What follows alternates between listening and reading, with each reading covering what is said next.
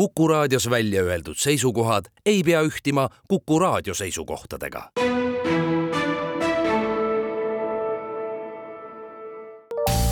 terviseks. saade valmib koostöös Ida-Tallinna Keskhaiglaga. vaata ka itk.ee tere, head Kuku kuulajad, eetris on saade Terviseks ja kui me eilses saates rääkisime õppimisest ja õpetamisest haiglas, siis tänasel teemal jätkame. mina olen Ingela Virkus ja koos minuga on stuudios Ida-Tallinna Keskhaigla anestesioloogia ja intensiivravikeskuse juhataja Maarja Hallik. tere! ning Ida-Tallinna Keskhaigla koolitusosakonna arendusspetsialist Joel Lumpre. tere! Kuidas äh, ikkagi selle haiglas õpetamisega on, et äh, ikka räägitakse ju, et arstid ja õed on nii ülekoormatud, kuidas siis need arstid ja õed äh, sealsamas haiglas leitakse ja kuidas neile see aeg leitakse, et nad saaksid uusi arste siis näiteks välja õpetada? me oleme tegelikult alustanud sellest, et leida need inimesed, kes tahaksid sellega tegeleda ja kellele meeldib õpetada ja, ja selle raames ka ise õppida, edasi areneda ja tegelikult üks äh, oluline missioon meie selle õpetava arsti, õpetava õe projekti juures on ka viia see sõnum, kui oluline see on, et me seda pidevat õppimist ja õpetamist jätkame haigla juhtkonnani, et meil tekiks ajaline ja rahaline võimalus ka seda teha ma saan aru, et äh, see ei ole ka lihtsalt, lihtsalt ainult niimoodi, et äh, kui on soov, et siis kohe saabki õpetama minna, vaid tuleb enne ikkagi kandideerida? noh, hetkel veel kui me räägime, on, on ta pilootprojekt, selles mõttes, et me rajame seda teed alles hetkel samal ajal, kui me seda juba käime. Äh, tõesti, selle esimese meeskonna, nii-öelda pilootmeeskonna panime sihtotsinguga kokku, see tähendab seda, et me värvasime neid, kes meil olid juba ka selles, nendes korduma kippuvate koolitajate äh, grupis ja ringkonnas, aga jah, nüüd see aasta, teisel projekti aastal äh, oli meil kogemus ka läbi viia siis esimesi jah, konkursse nendele kohtadele, kui meil meeskond laienes ja see oli, ma arvan, nii põnev kui väärtuslik kogemus nii igal juhul meile kui, kui selle konkursi läbiviijatena ja kui ka nendele osalejatel, et ja, ja neil ka, kes selle rolli siis äh, tänu sellele said, et, et sealt oli ka näha, et see valmisolek ja huvi selle rolli vastu on tegelikult äh, päris suur kas äh, teil on ka mingid kriteeriumid, mis peavad olema siis täidetud, et näiteks arst on töötanud äh, oma positsioonil siis teatud arv aastaid või mida te jälgite? nagu oma, oma kliinilise töö kontekstis ja selles mõttes ja me otsime spetsialiste, ehk et need, kellel on siis juba tõesti see ütleme siis nii, see, see formaalne haridustee käidud arstide puhul, siis põhiõpe ja residentuur, ehm, nüüd selle õpetamise rolli kontekstis me täna veel otsustasimegi et me oleme nii julged ja uuendusmeelsed et me neid miinimumnõudeid ei sea, ehk et noh, näiteks on ju, me saaks seada mingid kriteeriumid läbitud on ju õpetamisalaste koolituste või, või, või varasema kogemusega siduda seda või midagi säärast, vaid me otsustasimegi, et kuna tänaseni tegelikult sellist võimalust ei ole olnud pühenduda sellele tegevusele sellisel moel, et siis oleks meil natukene võib-olla isegi nagu silmakirjalik küsida kvalifitseerumist, sest et seda võimalust pole seni sellisel moel olnud. täna me tahame näha, et see, kes selle tiimiga liitub, et aastast aastasse oma oskustes hakkab progresseeruma või arenema, seda me hakkame hindama ja, ja, ja reflekteerima selle üle. võib-olla kunagi tulevikus on sellesse rolli sisenemiseks ka selles õpetamise valdkonnas need kriteeriumid, et sa oled teinud seda nii ja nii pikalt või nii sellisel ja sellisel tasemel, täna veel mitte kuidas aga sellega on, et me rääkisime, et kuidas näiteks arstid, õpetavad arstid või õpetavad õed aega leiaks, aga need äh, nii-öelda siis õpilased,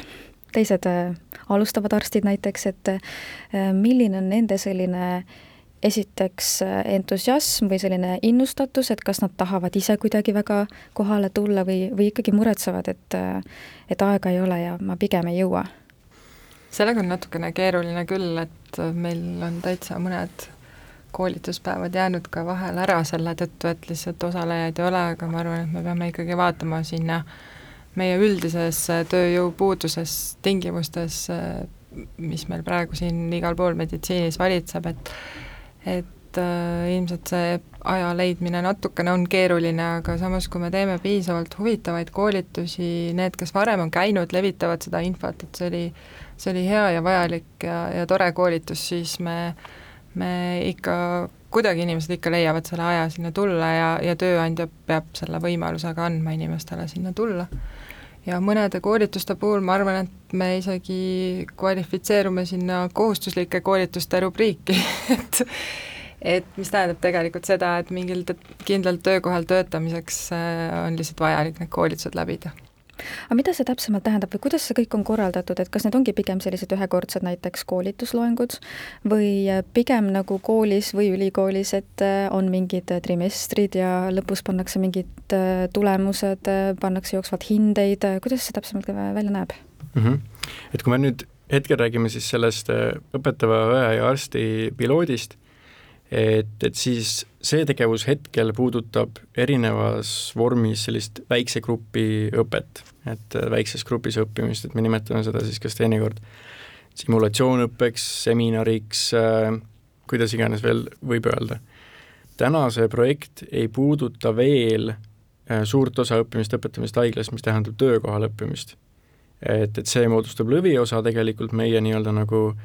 juhendamistööst, et seda, mis nimetame pigem juhendamiseks et seda see projekt veel ei hõlma, et me keskendume täna siis sellisele jah, grupiõppele. üritame vältida erinevas vormis loenguid, üritame ka selles mõttes olla siis äh, ajaga kaasas käivad ja neid ressursse võimalikult otstarbekalt kasutada, et kui me kokku tuleme õppimiseks, et siis me teeme midagi aktiivselt ja, ja midagi praktiliselt. ja mida see päriselus tähendab, ongi see, et, et et me oleme alustanud jah, äh, nende uut uute, uuemate ja, ja tulemuslikumate õpetamismeetodite tutvustamist eelkõige läbi selle, mida meil kõige-kõige-kõige rohkem vaja on. Äh, me räägime taaselustamiskoolitustest, kriitilises seisundis haige patsiendi mm, käsitlemise õppest, äh, kirurgiliste baasoskuste äh, õppest ja nii edasi. et see võibki olla sellises simulatsioonõppe vormis, et erakorralise meditsiini osakonnas toimub meil õppeprogramm, kus me kus me töötame terve päev ühe, ühe EMO tiimiga, äh, koos lahendame keerukaid situatsioone ja, ja, ja kriitilises seisundis patsiendiga seotud situatsioone.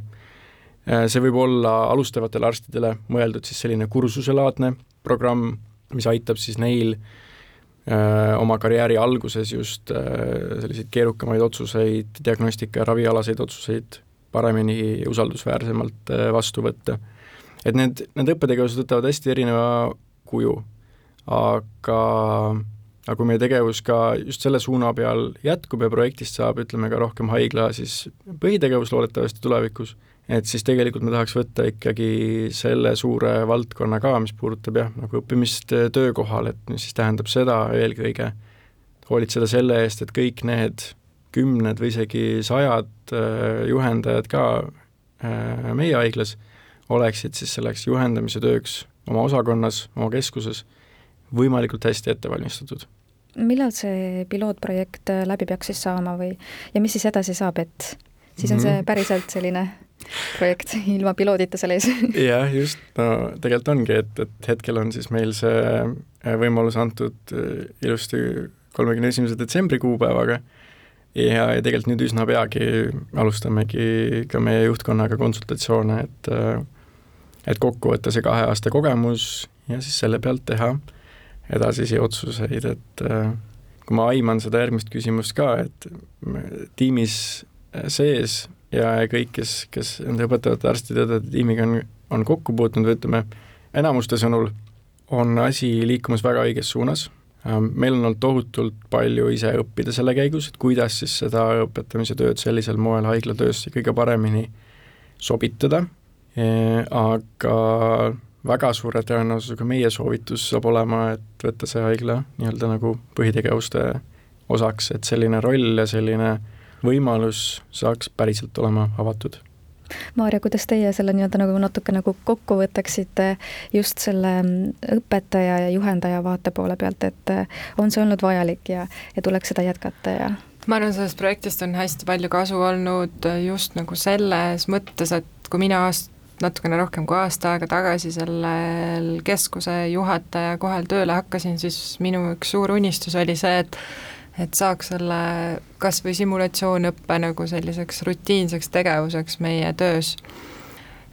tänu sellele, et samal ajal koolitusosakonna poolt see projekt on käimas, on see läinud äh, kindlasti palju lihtsamini, palju huvitavamalt ka meie jaoks ja meie arstide jaoks, meil on olnud palju võimalusi läbi selle projekti oma arste koolitada juhendajateks, simulatsiooni, simulatsiooni instruktoriteks et äh, see on selles mõttes olnud mulle väga suureks toeks minu enda eesmärkide elluviimiseks. aitäh teile saatesse tulemast, Maarja Hallik ja Joel Lumpre ning palju jõudu ja jaksu teile! aitäh! terviseks saade valmib koostöös Ida-Tallinna Keskhaiglaga. vaata ka itk.ee